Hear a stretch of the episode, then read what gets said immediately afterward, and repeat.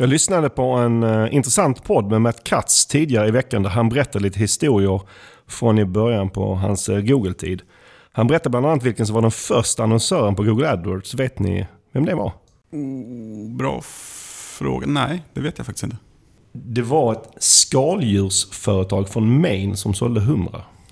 Kanske inte det man skulle gissat på, men eh, någon måste ju vara först. Ja, ja. Lite, lite otippat faktiskt. Och efter denna trivia, då är det dags att rulla igång dagens avsnitt av Sökpodden. Du lyssnar på Sökpodden. En podcast för dig som gillar Google, SEO och SEM. Sökpodden görs av Pineberry. Varmt välkomna till avsnitt 56 av Sökpodden. Mitt namn är Mikael Wahlgren. Idag har jag nöjet här att sitta här med Niklas Krus. Hallå, hallå. Och Björn Budén. Hej, hej. Våra tre ämnen för dagen är mäta värdet av SEO. Sen kör vi en SEO-klinik och så avslutar vi med Audience Network på Facebook. Hur är läget med er idag? Bara bra. Jo tack, det är bra. En sak jag vill bara ta upp här innan vi kör igång med dagens ämnen var ju att förra, förra avsnittet så hade vi ett ganska schysst erbjudande för Sistrix. Och det var ju kul att det var så enormt många som nappade på det. Hur många var det som nappade? Ja, till slut blev det, jag skickade över listan igår, vi spelade in på tisdag, jag skickade iväg den igår måndags. Och eh, det var det 136 stycken. Oh, 130, det är en sjukt bra konverteringsgrad ändå. Ja, det blir det ju för... Eh, vi, vi, eh, det har vi pratat om innan här i podden. Det är ungefär 3000 som lyssnar varje månad. Eh, det är en väldigt lång svans. Eh, så ungefär hälften av dem varje månad lyssnar på det senaste avsnittet och hälften lyssnar på gamla avsnitt. Sen i det långa loppet så blir det kanske 3000 på varje avsnitt men efter en månad så har man, är det ungefär 1500 som har lyssnat på det nya avsnittet. Och sa vi 136 så då blev det en konverteringsgrad på en runt 9%. Det skulle man vara ganska nöjd med i många lägen, eller hur? Det tycker jag verkligen. Och igen, jag vill poängtera här, vi tjänar absolut inga pengar på detta. Vi tycker bara det är så kul att så många av er vill testa eh, Sistrix och hoppas ni gillar det. Och eh, med det sagt så är det dags för dagens första ämne.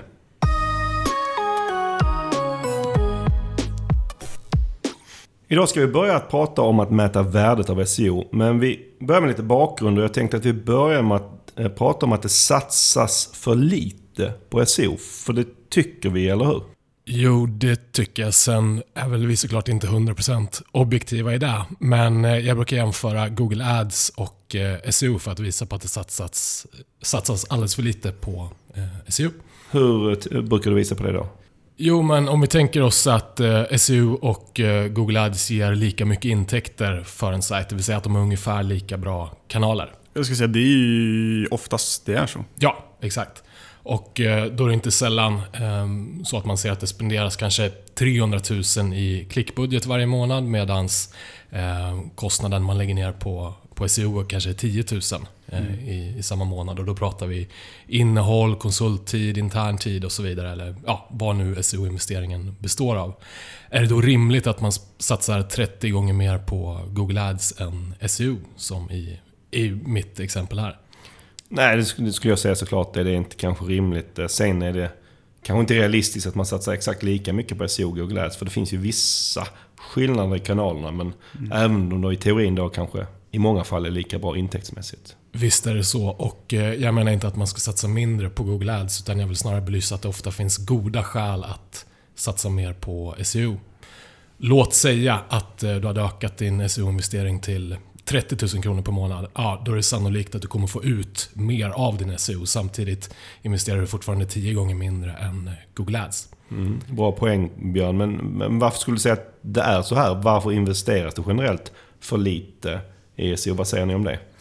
Spontant skulle jag säga, det, det finns ju flera anledningar såklart. Eh, spontant, det går ju lite snabbare, eller det är kortare ledtider när vi jobbar med SEM. Om det är löpande, eller nya kampanjer till exempel som ska upp, eller om vi ska slänga upp en ny produkt så kan vi få eh, in trafik mycket tidigare, mycket snabbare eh, än om vi skulle jobba med SEO. Mm. Eh, sen krasst så krävs det mer utav den som jobbar med SEO också. Vi behöver jobba med tekniska aspekter, vi behöver jobba med innehållet. Ser vi till SEM så kan vi ganska enkelt eh, få in trafik på ett nytt sökord. Eh, ledtiden är extremt mycket längre. För det är SEO. fler inblandade parter för ja. ofta för att SEO ska fungera när det är SEM såklart. Mm. En annan aspekt är nog att det är svårare att mäta värdet av SEO jämfört med Google Ads. Och mm. i och med det, att det inte är lika enkelt att mäta så är det svårare att eh, allokera pengar till det. Men bara för att det är svårare att mäta värdet betyder det inte att det inte går. Verkligen inte. Och det är ju lite ämnet här idag, att mäta värdet av, av SEO. Och, och, och varför skulle man, ni säga att det är svårt att mäta värdet om man till exempel jämför med Google Ads? Eh, det finns eh, flera anledningar skulle jag säga. Ehm, investeringar i SEO är ju inte alltid direkt kopplad till ett eh, visst resultat, som om du till exempel ökar din Google Ads-budget med 20%. Eh, det tar ju ofta tid för SEO-förbättringar att ge eh, effekt, så det är svårt att eh, ja, till exempel kvantifiera vad en lyckad länkstrategi skulle ge. Och jag ser mycket SEO mer som ett maratonlopp där du behöver jobba uthålligt över tid medan Google Ads är mer som ett 100 meterslopp där du snabbt får din utväxling. Sen så finns det ju inte heller lika tydliga start och Eh, stopp när man jobbar med SEO. Stänger av ditt eh, Google Ads så försvinner alla intäkter därifrån men om du slutar jobba med din SEO kommer du ändå få eh, trafik därifrån. Och det gör det såklart svårare att värdesätta specifika SEO-insatser. Sen har vi det här med din brandtrafik, alltså värdet av googlingar på ditt eget varumärke. Det är ofta sånt som du får oavsett om du jobbar med SEO eller inte. Såvida du inte har klantat dig helt. Då. Um, och den här problematiken finns ju även på Google Ads, men där är det klart enklare att filtrera bort uh, den effekten. Mm. Tyvärr så går det inte att se sökord från organisk trafik på samma sätt i GA då det visas som Not Provided. Eh, visst, du kan se sökordsdata i Search Console, men det är mycket svårare att koppla till en intäkt, ett värde, än för motsvarande Google Ads-trafik. Men det betyder ju inte att eh, det värdet inte finns där. För sannolikt är ett klick på ett eh, visst sökord lika mycket värt oavsett om det är på en betald annons eller på ett organiskt sökresultat. Och där vet jag att det är många som hävdar att organiskt skulle vara, ett klick från organiskt skulle ha ett större värde än ett köpt klick. Och, och, och, så eh, kan det ju vara. Eh, men det, man kan nog vara ganska säker på att det i alla fall lika stort värde eh, som det, mm. det köpta klicket. Det, det, finns den här teorin om att eh, många ser det organiska sökresultatet som eh, mer äkta, att man inte kan köpa sig till platser. Ja, mer trovärdigt. Ja, mer trovärdigt. Mm. Mm. Men du tar, ju, tar upp det här Björn med Not Provided. Och det är kanske den sak som under mina 15 år i branschen har gjort mig mest påverkad och upprörd. För jag tycker Google gör stundtals väldigt, väldigt, väldigt bra saker och ibland lite mindre bra saker. Men just det här med något provider för mig var något form av bottennapp i, i hyckleri. Att man tar bort sökordsdatan för den organiska trafiken av då integritetsskäl, som man hävdar. Men samtidigt behåller den för, för Google Ads. Mm, inte så mycket integritet där om ni frågar mig. Och, ja, vi kanske ska lämna det där innan jag blir alltför upprörd idag. Eh, men det, det, är ju såklart väldigt konstigt att det är så. Men det är någonting vi måste bara förhålla oss till. Mm. Men då har vi konstaterat att det satsas för lite på SEO. Och det finns några klurigheter kring att till exempel mäta värdet av SEO. Så då kommer vi till liksom själva ämnet, eller för själva frågan. Vad finns det för bra sätt att mäta värdet av SEO på? Mm, ja, men om vi antar att eh, du mäter försäljning eller någon annan form av konvertering i Google Analytics som du har satt ett värde på. Så är det egentligen inte så svårt för du kan ju se hur stort värde den organiska trafiken eh, ger dig. Sen fastnar man kanske eh, på att brandtrafiken skulle ha kommit även eh, utan att du hade gjort satsningar på SEO och man därför inte kommer vidare alla gånger.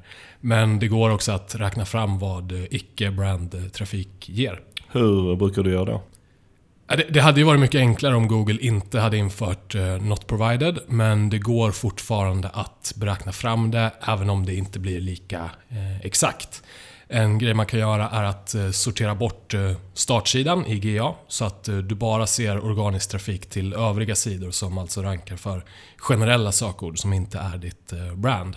Och på det sättet kan du jämföra hur de målsidorna presterar, till exempel i år jämfört med samma period året före. Du kan också använda dig av Ahrefs. Där går det att estimera din organiska trafik och ta bort trafik till, till startsidan, alltså ditt brand. Mm. Och med Ahrefs kan du också kolla på dina konkurrenter och se hur mycket organisk trafik de får. Ser du att en konkurrent har till exempel ja, men, dubbelt så mycket besökare från organisk trafik jämfört med dig så vet du att det här är trafik som du skulle kunna få till din sajt om du jobbade smart med SEO. Och vet du vad en besökare är värd för dig så kan du räkna på hur mycket du skulle vara beredd att eh, betala för att få den här trafiken. Hur mycket du skulle vilja investera i din SEO. Lite som vi gör när vi jobbar med Google Ads. Precis. Eh, annonserar du på Google Ads för eh, många av de här eh, sökorden du inte syns på organiskt så har du säkert bra data över hur pass eh, bra den här trafiken skulle konvertera för dig. Och genom att kolla på din konverteringsgrad så kan du göra en uppskattning på hur mycket mer intäkter eh, den här trafiken skulle generera för dig och eh, det kan användas som stöd i beslutsprocessen helt enkelt. Så för att eh, sammanfatta så kan man eh, med de här sätten beräkna värdet av vad eh, SEO ger dig exklusive sökningar på ditt varumärke. Det kommer nog inte bli helt exakt, men tillräckligt exakt för att fungera som eh, beslutsunderlag för om du ska satsa mer på SEO och eh, hur mycket som är värt för det att satsa. Verkligen. Jag ska säga, det är många utav de företag vi tittar på, eller sajter vi tittar på, så ser vi att det finns otroligt mycket att hämta där. Ja, oh ja. och eh, det är förvånansvärt många som inte inser värdet av SEO eller i vart fall inte hur man ska jobba med kanalen på bästa Mm. sätt. Okej, det var ju Björn om man, eh, hur man kan tänka om man har ett, ett tydligt mätbart mål i form av intäkter och leads. Men det vet vi ju att eh, inte alla har. Hur, hur gör man då? Ja, första steget är att man ska försöka skaffa sig eh, ett mål som går att eh, sätta värde på. Men tills man har det så kan man ju alltid jämföra med till exempel klickpriser på Google Ads. Har du 100 000 organiska besökare per månad och du vet att eh, klickpriset på Google Ads i snitt är 10 kronor, ja men då kan du bedöma eh, SEO-värdet av den här trafiken till eh, minst en miljon kronor per månad. Behöver man ta hänsyn till brand även här? Jo, eh, fast eh, om du annonserar på ditt brand eh, också så kanske de här effekterna tar ut varandra. För då kommer ju ditt snitt CPC vara lägre på Google Ads. Men det går såklart att estimera bort brand på samma sätt som vi nämnde innan också. Och hur gör man om man då själv inte annonserar på Google Ads så du inte har den datan? Du kan ju se i olika verktyg vad klickpriserna är för olika sökord. Till exempel Googles sökordsplaneraren. Det är inte lika exakt som om du annonserar själv, men det ger ändå en hyfsad bild eh, så att du kan räkna ut ett, ett värde av, eh, eh av mer SEO-trafik. För det är mycket bättre att du försöker räkna ut ett värde av SEO än att du inte gör något alls eller tar SEO för given. Jag skulle säga att det är en fantastiskt bra utgångspunkt. Eh, att någonstans börja räkna på ett värde, på ett mål. Ehm, är en fantastiskt bra början. Och sen om det inte stämmer på kronan, ah, inte hela världen. För det är någonting du kan jobba med under en längre tid och någonting som du, ah, du kommer hitta ett mer korrekt värde på det med tiden. Och jag ska säga att det är nog väldigt vanligt att man tar SEO-trafiken eller den organiska trafiken för givet idag. Och den har ju såklart ett värde, den har ett jättestort värde. Ja, och eh, om du inte fortsätter att eh, investera och eh, underhålla din SEO, då kommer du med stor sannolikhet inte få lika mycket organisk trafik framöver. Så du, ja, eh, att ta SEO för given skulle jag säga är en av de största misstagen ett, eh, ett företag Mm. kan göra. Just eftersom när man verkligen lyckas med sin SEO så är eh, ROIn på det så oerhört eh, hög. Jag tycker många beskriver också att de är klar med SEO. Nu har vi gjort klart vår SEO. Ja, det, det är ju en, eh, en stor fara att man ser det som en engångsinsats istället för någonting som man ska ha med sig hela tiden. Men det är väl något generellt mänskligt fenomen, är det inte det? Att man, saker man redan har, att man väldigt lätt tar dem för givna tills Mm. de försvinner. Och så är det med SEO, att om man inte sköter om den så finns ju risken att värdet av den kommer att försvinna. Mm. Oh. Eh, Så. Så att det är väl någonting som gäller ganska mycket man pysslar med, men, men specifikt då för, för SEO. Vi har ju fått höra många som har hört av sig eh, och vill att vi ska titta på deras sajter när den organiska trafiken dör. Eh, Och då är det inte roligt och då tar man den inte för givet, kan jag garantera. Nej, precis. Då, då, då, då är det väldigt jobbigt. Vad bra. Men ibland kan det också vara så att man vill försöka beräkna värdet av en specifik SEO-satsning. Går det att göra? Eh, jo, men det, eh, det kan man. Men eh, SEO är mycket mer av en helhet än säg Google Ads där man enklare kan testa vad specifika saker ger. Får du en tydlig ökning i organisk trafik så är det ofta på grund av att eh, du gjort eh, något och eh, då går det ju att räkna ut vad den här ökningen är värd och därmed även vad satsningen gav. Så man kan ju försöka isolera en, en satsning man har gjort så att den är enklare att mäta. Säg till exempel att du skapar nya sidor på din sajt. Då kan du eh, ja, tagga upp dem på det sättet att eh, kanske URLerna läggs i en speciell katalog så att det blir enklare att följa utvecklingen på det här sättet av URLer. Och då kan man följa utvecklingen där.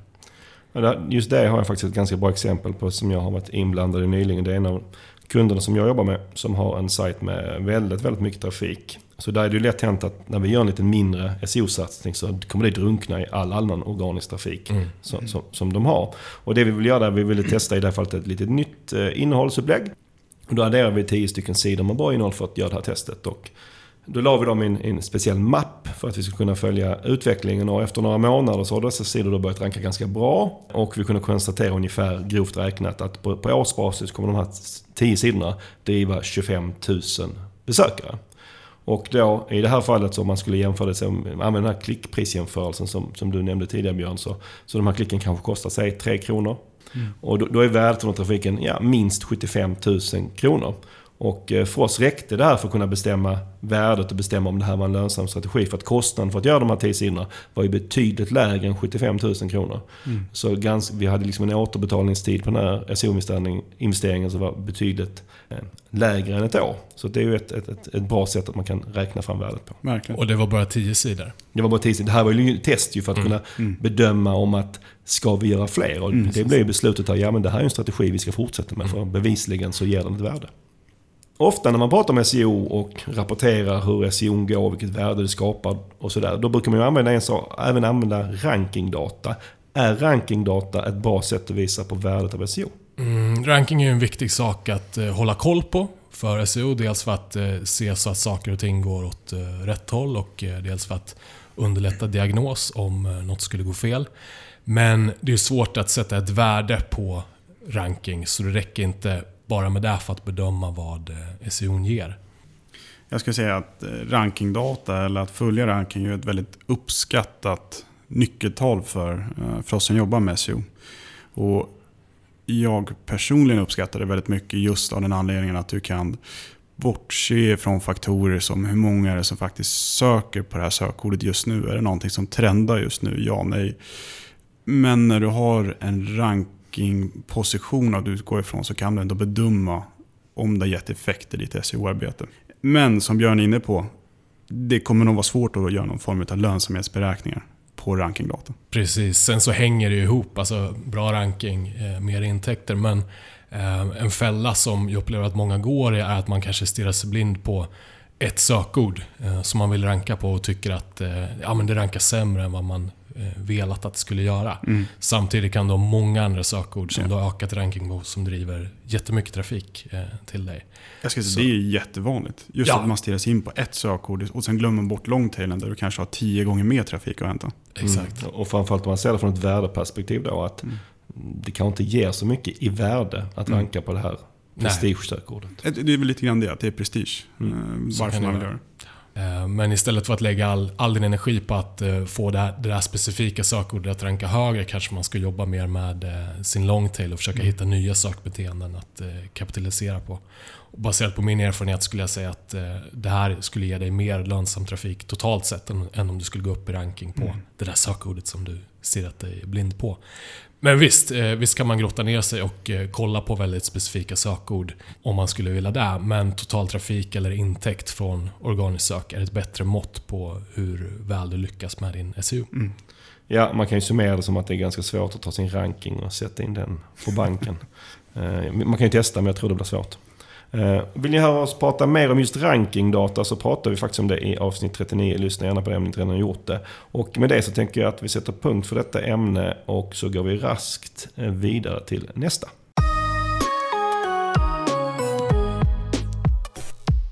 Så då var det dags för eh, en SEO-klinik. Det är den femte i ordningen faktiskt. Vi körde senast i avsnitt 45 för ett drygt år sedan. Det här har ju varit en liten favorit bland eh, er lyssnare. Jag ska säga även för oss, eller hur? Absolut, det är alltid kul att titta på sajter och se vilka eh, saker man skulle kunna göra annorlunda. Och vi har ju ett gäng sajter som vi vill köra klinik på. Eh, eh, och vi har valt ut eh, tre stycken som vi gör här idag. Och vi har försökt välja lite olika typer av sajter så att det förhoppningsvis blir så intressant att lyssna på som möjligt. Och tusen tack till alla er som har hört av er att ni vill vara med i vår klinik.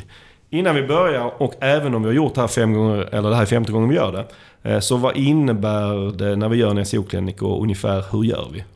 Eh, Vi kollar på en sajt från ett eh, SEO-perspektiv och vilka möjligheter som finns helt enkelt. Det är som en minianalys. För det är viktigt att säga att vi bara lagt en relativt kort stund per person och Mm. sajt så vi har garanterat inte hittat allt intressant som, som går att hitta.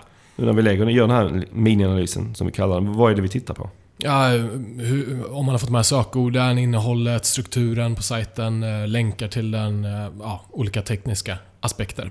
Och vi kollar manuellt, men vi använder såklart även verktyg som Screaming Frog, RF, Sistrix och PageSpeed, Insights och så vidare för att göra detta. Och eh, som alltid så eh, kan det vara på plats att säga att många av dem som eh, de sajter vi kollat på gör mycket bra eh, redan idag. Men i kliniken så är fokus främst på saker som kan göras bättre, vilket det går att hitta på alla sajter, även på, på våra egna.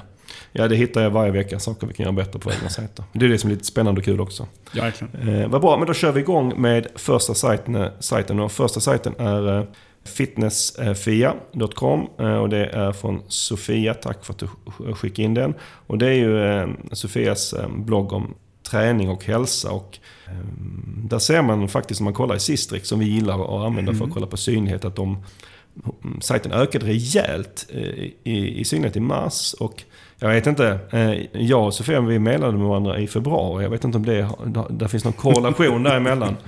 Jag tror faktiskt inte det. För att det vi mejlade om var, var, var taggsidor. Eh, för då hade vi nämnt det i sökpodden på något sätt. Och varit lite så skeptiska till det. Och nu när jag tittar på sajten så taggsidorna finns faktiskt kvar. Så det är liksom ingenting som, det var inte det som gjorde att hon ökade. Det har ingenting med oss att göra. Eh, men det är ju kul att se att, att hennes synlighet ökade. Men om vi tar det här med taggsidorna så ser man när jag körde igenom Screaming Frog på den här sajten så att 721 av 1372, alltså liksom typ mer än hälften av sidorna är, är, är taggsidor. Och varför brukar vi normalt sett inte riktigt gilla, eller vi blir, blir, blir lite nervösa när vi ser taggsidor. Ja, men det är lätt att eh, taggsidor blir väldigt många som eh, i detta fall. Och eh, om man då inte har något unikt innehåll på dem, vilket man nästan aldrig har, då blir det en form av eh, ja, men väldigt tunt och eh, duplicerat innehåll som inte bidrar med något eh, värde i sig. Eh, men ibland kan det vara så, det här tror jag var så här i Sofias fall, att vissa av taggsidorna driver en hel del trafik. Ska man ändå ta bort dem eller alternativt sätta no-index på dem? Som princip ja, men eh, det är alltid klokt att kolla hur mycket trafik de eh, driver. Och visar det sig då att du har ett antal taggsidor som driver betydande trafik, ja då kan du behålla dem och gärna med en statisk unik text på sidan och bra optimerade titlar och rubriker. Eh, En, en, om vi går vidare till en annan sak, så en fördel med en blogg som denna och kanske framförallt om man är en blogg inom ett så pass stort område som träning och hälsa. Det är att det är relativt enkelt att hitta saker att skriva om som många googlar på. Ja. Jag bara tog eh, ett slumpvis eh, valt inlägg där Sofia hade skrivit om ont i knäna. Och det var ju ja, 800 googlingar i månaden. Det liksom, då hittar man någonting att skriva om. Eh, Och det är ju alltid tacksamt. Eh, Men en sak som jag mm, tänkte på när jag såg, eh, det var nog ett av de senare inläggen som, som hade skrivits på bloggen. Och det handlade om veganskt julgodis, det handlar om vegansk knäck, det handlar om vegansk Rocky Road. Här bör man kanske tänka att var, det, det, det är ganska många olika saker. Och att varje sak egentligen förtjänar en egen sida om man ska kunna ranka på det. Verkligen. Eh, Och jag ska säga när man ändå jobbar med recept så skulle jag slå ett slag för strukturerad data också. Hur viktigt den typen av arbete är för Serpen. Just på receptsök. Mm, och då blir det såklart mer komplext om man har massa recept på en samma sida. Så man vill ju helst dela upp det. Ja. En annan sak som den här sajten har som, som vi, eh, vi tycker är bra det är att eh, den har kategoris, kategorisidor och den har även underkategorisidor. Och det här är liksom ingenting som alla bloggar alltid har. Men det här är ett ganska bra sätt för vi brukar snacka när vi snackar e-handlare. Då älskar vi kategorisidorna och det är klart Ja. man kan använda det konceptet även här. Till exempel så har de ju eh, träningskläder och yogakläder och så vidare. Och det går säkert att utveckla det här till ännu fler typer av kategorisidor. För den, vi gillar de här sidorna, eller hur? Absolut, vi, absolut gillar man kategorisidor. Eh, Och det som saknades just på de här specifika kategorisidorna är väl egentligen innehåll. Att det är tunt med text eh, på dem. Och det blir statisk text, så att innehållet blir inte unikt på något sätt utan det blir duplicerat eh, Mm. egentligen. Det blir mer som en lista med länkar till Mm. olika Ja. artiklar. Så det är bra om man kan lägga till mer unikt innehåll. Och krasst, det här blir ju nästan som en taggsida Mm. i praktiken. Ja. Ehm, I det här fallet i alla fall. Och det vi vill ha är någon form av mer fast statisk text som alltid finns där oavsett vilka inlägg som, som listar. Ja. Om vi lämnar innehållet en stund eh, på den här sajten så kollar vi på hur många eh, länkar de har till sig och eh, då är det 128 länkande domäner. Det är ju helt okej. Inte helt oväntat så är de flesta i det här fallet från andra bloggar och det är ganska vanligt och naturligt att de som bloggar eh, länkar till andra som bloggar. Mm. Eh, och det är ju jättebra. Om man fick önska någonting när man tänker på länkarna så skulle jag kanske se om det gick att få en annan typ av länkar som ett komplement till det här. Och jag vet inte om det här är en bra eller dålig tanke, ni får väl svara på det. Men så vi här gör ju en del som många bloggare gör, influencersamarbeten och de ska ju annonsmärkas, vilket hon gör och det är bra. Skulle det gå att kunna få de här företagen som samarbetar med henne, att få dem att länka till henne? De som då betalar henne för att skriva om olika saker. E- eller skulle man det också behöva annonsmärkas? Hur, hur ser ni på det? Jättebra fråga. Eh, till att börja med, första frågan om det är någonting hon borde göra, absolut. Eh, att försöka få länkar med de hon gör samarbete med känns ju naturligt. Huruvida det borde annonsmärkas, ja, det är en bra fråga. Jag tror vi är lite kluvna här i rummet. Jag personligen skulle nog gärna se att de annonsmärkte det. Men jag, jag kan förstå om man inte delar den uppfattningen. Nej, jag vet inte vad som är rätt eller fel och vad Google ser på saken här. För det är ju egentligen, det är ju självklart att när hon skriver om någonting och får betalt för det, Mm. så ska hon annonsmärka. Det är ju givet. Ja.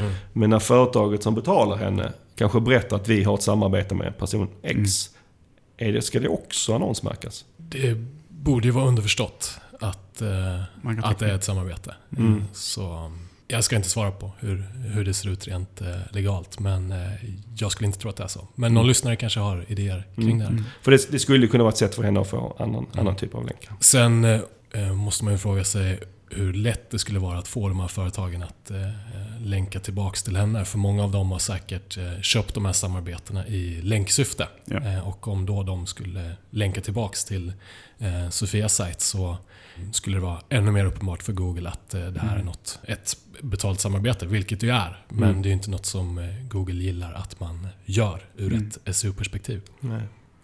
Det kan i alla fall vara en intressant eh, sak att fundera på. Att s- istället eventuellt då kanske få länkar. Från. En annan sak vi kollar på här är ju eh, hur snabbt sidorna laddar. Och den här fick eh, i PageSpeed Insights fick den 24 på mobilen. Det är nästan bara det mobila värdet jag kollar på nu. Men kollar ni på desktopvärdet? Jag tittar nog på det, men jag utgår nog från Mobile. Ja. Eh, mobile PageSpeed, absolut. Det är oftast det mobila värdet där man ser att det finns... Och, eh, så här, jag upplever att de flesta har ganska bra värden på desktop. Mm. Eh, men på mobilen så kan det se väldigt olika Mm. ut. Och sen ska man komma ihåg att just eh, PageSpeed Insights eh, emulerar eh, hastigheten över en eh, 3G-anslutning. Så det, det går ofta lite långsammare än vad det gör i Ja. verkligheten. Mm. För just mobil. Men här var värdet då 24 på mobil och det är som sagt lite lågt. Och den stora grejen när man kollar här var ju att, att eh, fixa till bilderna, bland annat göra dem lite moderna och sådär. Ja. Och eh, den här sajten använder Wordpress och det finns lite olika plugins som man kan använda där som gör bilderna liksom lite bättre så att man får upp sitt betyg eh, på ett bra sätt. Väldigt smidigt ska jag säga. Vad bra. Med det eh, så lämnar vi eh, Sofias sajt eh, och går vidare till nästa. Och den är massupport.se. Det är ju egentligen messupport men, men domänen är massupport.se. Och det är från Marcus. Tack Marcus för att skicka in den. Och den här sajten jobbar med mm, mässor där de fixar montrar, hyr tält och möbler och allt vad man kan behöva om man nu ska ställa ut på en mässa. Vad har du hittat här Niklas? Eh, jo, men det finns en del. Eh, om vi börjar med att titta på vilken score eller vilken synlighet de får enligt Sistrix så får de ganska lågt värde där. Det man ska komma ihåg hur Sistrix värde fungerar är att de tittar på vilka sökord den här sajten rankar på och hur mycket trafik eller hur många sökningar görs det på de här sökorden. Utifrån det så får den score. Han jobbar i en ganska nischad vertikal, så av den anledningen så sker det inte så mycket sökningar, vilket gör att man naturligt sett får ett lite lägre score i Sistrix. Han rankar dock väldigt bra på vissa sökord. Innan vi kommer in på det ska jag säga att han har missat en viktig sak och det är när man tittar på titlarna på produktsidorna så har han glömt att få med vad själva intentionen är, att man ska hyra bänkset till exempel. Eh, I dagsläget står det bara bänkset eh, och sen avsändaren. Så försök vara med själva termen hyra bänksättaren. Eh, alla produkter har inte egna sidor. Och ett tydligt exempel där är om man går in på de här olika tälten som finns. De här tälten skiljer sig extremt mycket åt. Det är ju tält för fem personer och det är tält för 50 personer. Ehm, och det är väldigt olika former på de här tälten. Jag hade personligen strukturerat det så att varje tälttyp, kanske tälttyp och storlek på tältet, får en egen sida. För då att ge en möjlighet att kunna ranka på det. Tittar vi på länkade domäner så var det cirka 20 stycken. Så det är inte jättemycket. Ehm, det är absolut inte lite heller, men ehm, det finns en del att jobba på där. Ehm, en grej vi ser när vi är inne och kollar på länkar också, att det finns några brutna länkar. Eh, länkar som går till 404-sidor.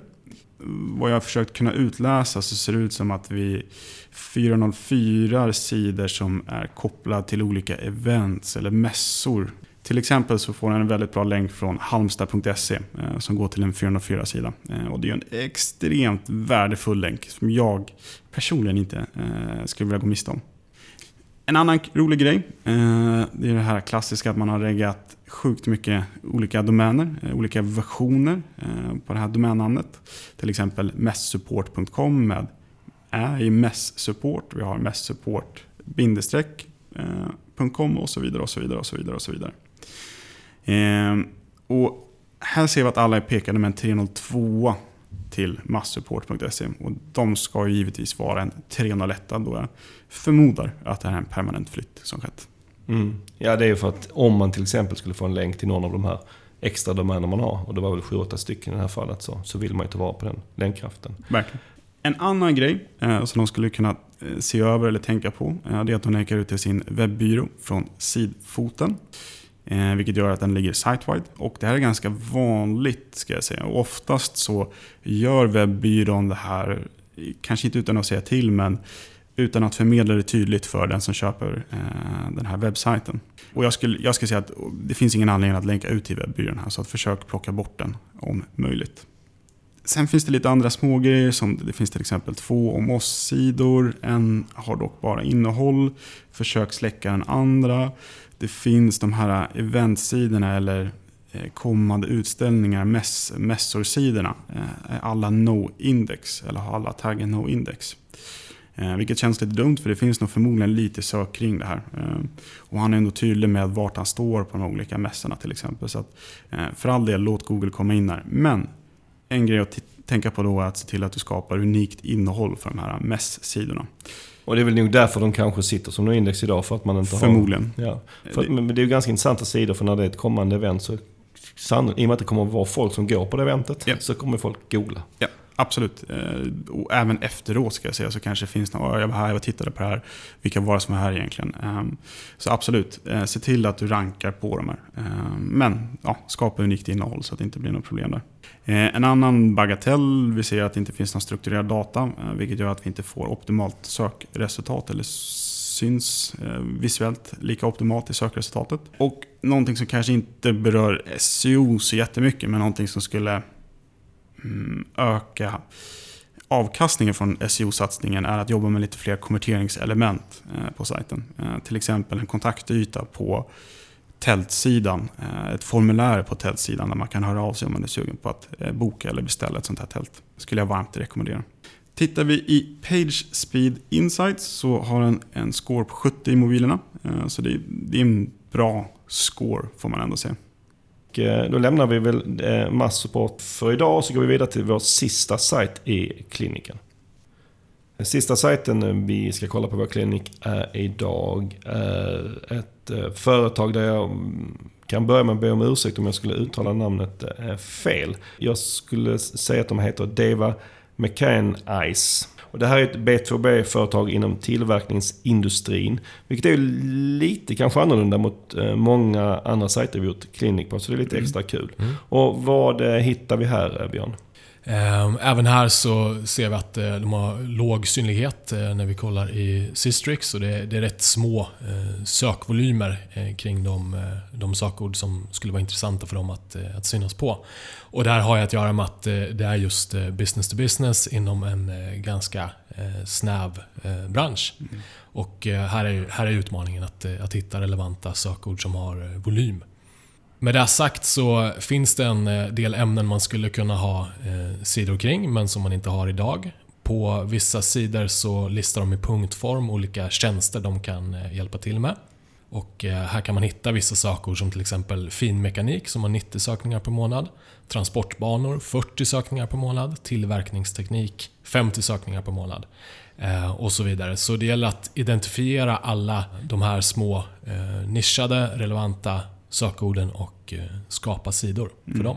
Mm, det är ju lite av ett detektivarbete att hitta alla dem. Men, men, men även om det inte är så mycket volym så skulle man kunna tro i det här fallet att en ny kund är värd ganska mycket pengar. Exakt. Så att det kanske räcker med en kund för att en sida, eller alla de här sidorna Ja, ja. ska bära sig för tio år framåt.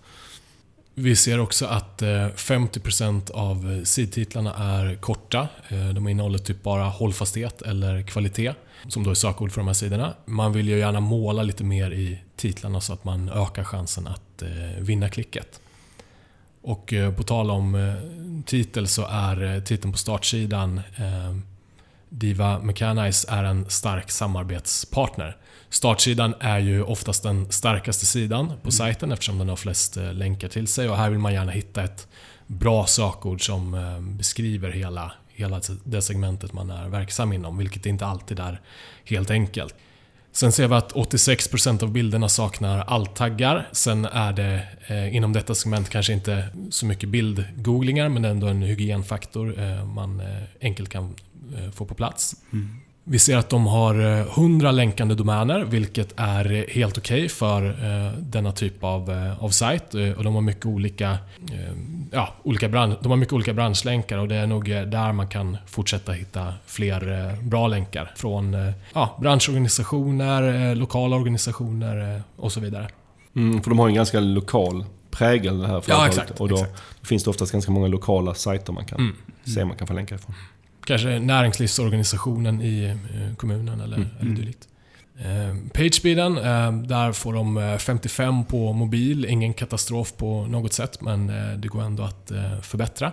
En sak som jag vill ta upp här är att när Johan mejlade in så tog han upp, han frågade en sak kring deras jobbportal som ligger på en subdomän. Och det ligger då jobb.devamechanics.se. Och vi har exakt samma leverantör av jobbportal ska jag säga, för transparensens skull. Och eh, precis som Johan tog upp så är det, denna lösning är ju inte helt optimal SEO-mässigt. Eh, och då är det inte bara att det ligger på en subdomän utan mer att den här typen av verktyg alltid liksom inte är 100% SEO-anpassade. Exempelvis i det här fallet att de inte hanterar utgångna jobbannonser på det sättet man egentligen vill kanske SEO-mässigt. Mm. Anledningen att vi ändå använder det verktyget är att det finns ju så många andra fördelar. Det und- underlättar till exempel vår rekryteringsprocess avsevärt. Skulle du säga att allt inte är SEO hela tiden? Nej, precis så är det. Ibland får man ju faktiskt väga in andra eh, aspekter också. Men med det sagt så behöver man kanske inte nöja sig alltid med att saker är på ett visst sätt om man har den här typen av tjänster som man har. Man, man köper in någon, någon tjänst som man lägger på en subdomän exempelvis. Så man kan ju be leverantören att försöka förändra vissa saker. Och det har vi gjort. De har inte gjort exakt allt vi har velat men ganska mycket. Så har, liksom, vi har tagit bort vissa av de eh, SEO-nackdelarna. Jag kan ta ett exempel. Är att detta verktyg, eh, precis som, eh, som vi nämnde innan om webbyrå, de har det, jag tycker att det är lite av ett otyg. Det är att de lägger in en footerlänk till sig själv. Eh, och det tycker jag kanske inte riktigt är rimligt att man gör. Eh, men detta kan man såklart be dem att ta bort. Det har vi gjort och då försvann länken och det var det problemet ur världen. Vad bra. Där sätter vi punkt för dagens SEO-klinik. Tack till alla av er som hört av er med sajter som eh, ni vill att vi tar upp. Eh, det finns ett gäng till kvar på listan som inte hann med idag. Eh, ni ligger kvar på listan för framtida clinics. Eh, och så går vi vidare till dagens eh, sista ämne.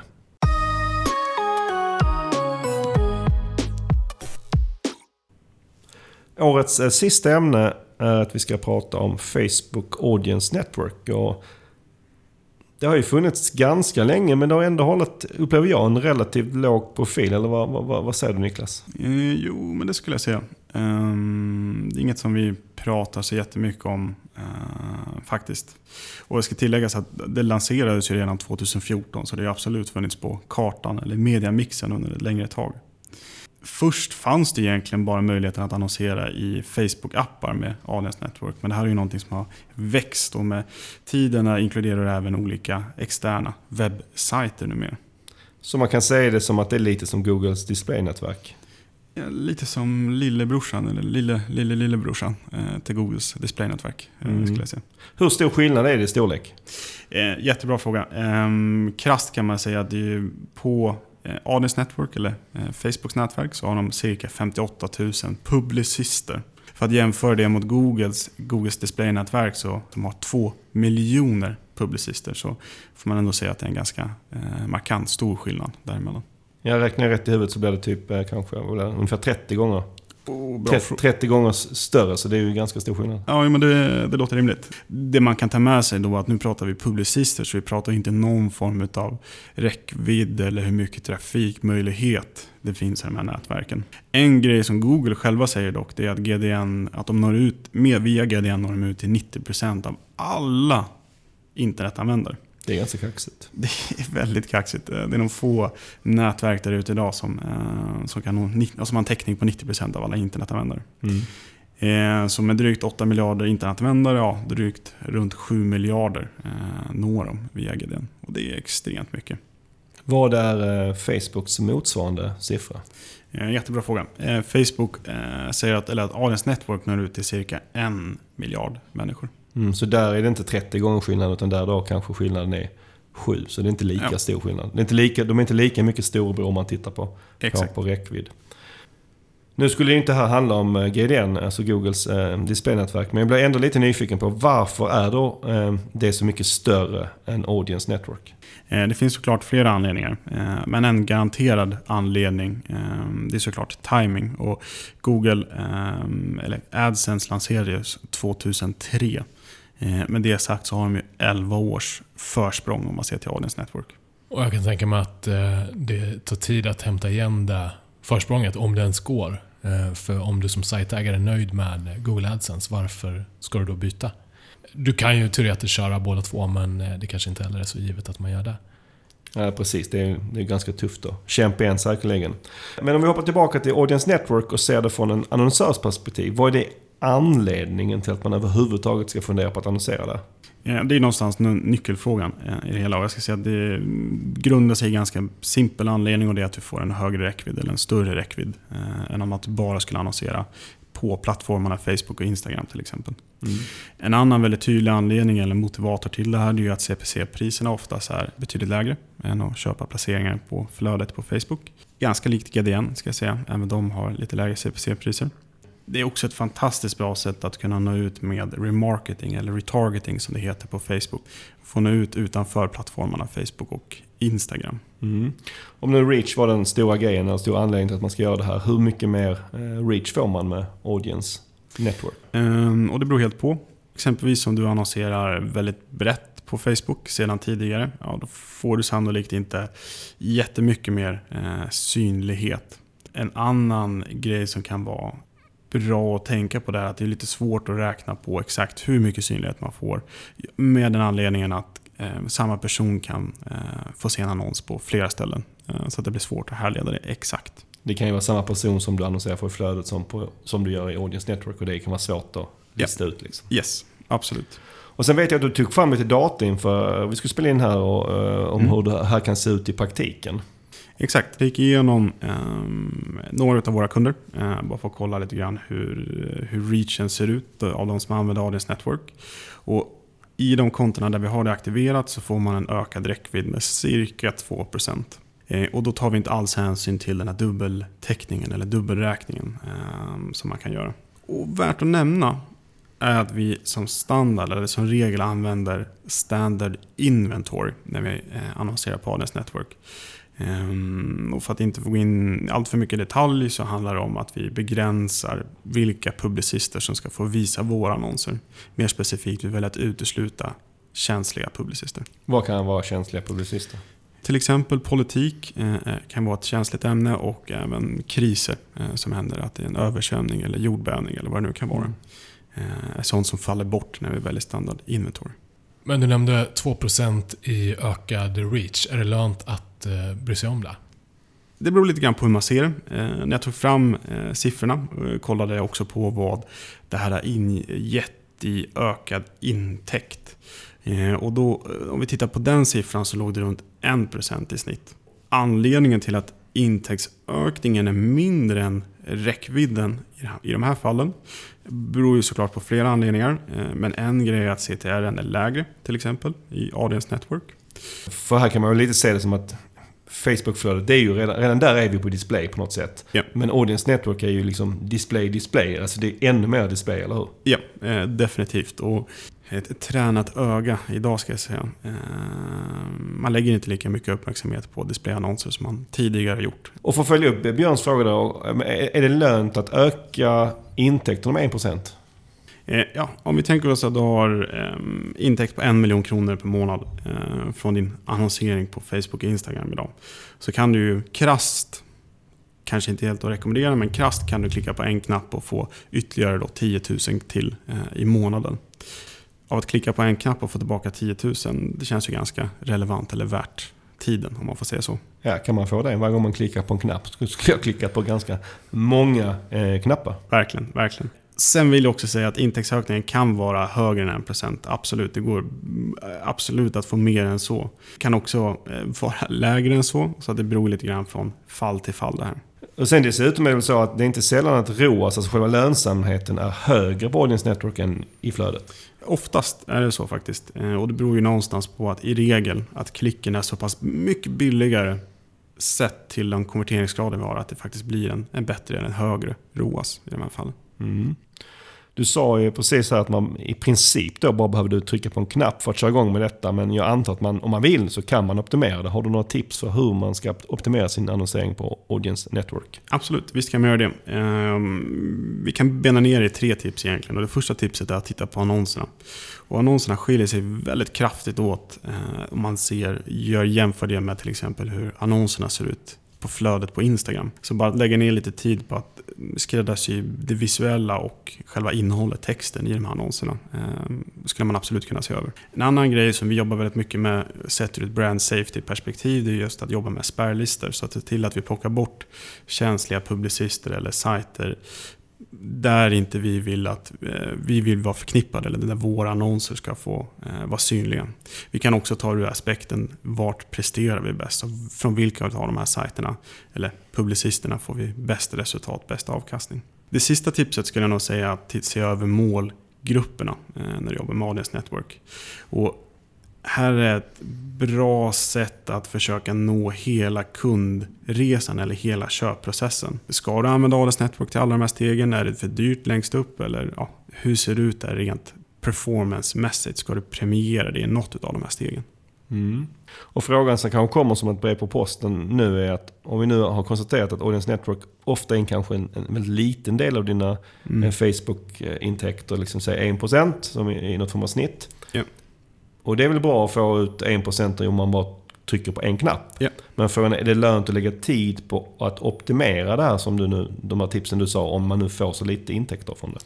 Eh, om vi tar det ur ett makroperspektiv. Vi får, det står för 1% av vår intäkt. Krasst så borde vi lägga 1% av vår tid till den här eh, kanalen. Så ja, eh, är väl mitt slutgiltiga svar. Absolut, du bör se över det, men lägg också motsvarigheten till, in, exakt, till ja. vad det ger för intäkter. Ja, men som jag uppfattar det generellt, om vi ska sammanfatta lite. Alltså, du tycker ja, man ska i många fall köra Audience Network. Definitivt. Men man kanske inte ska lägga för mycket energi på det med tanke på ungefär vad det brukar ge. Korrekt. Mm. Finns det lägen där du tycker att man inte ska köra Audience Network? Eh, absolut, eh, givetvis. Eh, och framförallt om du är begränsad i budget ska jag säga. Eh, och om du av någon anledning skulle få jättemycket bättre resultat om du annonserar direkt i flödet på Facebook eller Instagram. Ja, då handlar det mer om att allokera budgeten där vi får bäst resultat. Och av den anledningen så kan man nog skippa det. Vad bra. Tack för det Niklas. Och med det sätter vi punkt för årets sista ämne här i sökborden och det är dags att runda av dagens avsnitt.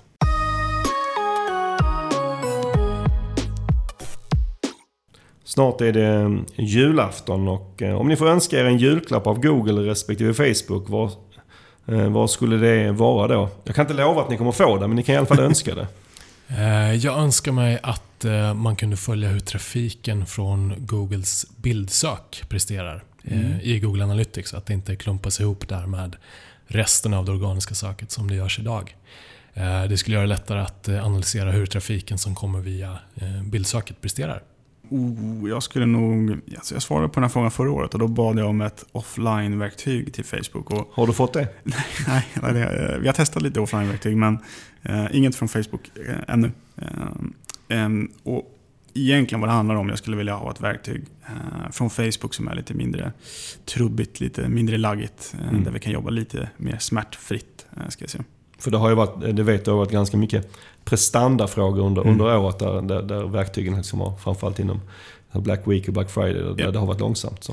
Eh, Nu måste vi mer eller mindre preppa allting en vecka innan för att det ska hinna eh, ligga på plats Mm. till Black Friday till exempel. Eh, och där önskar jag att man kunde vara lite mer dynamisk. Mm.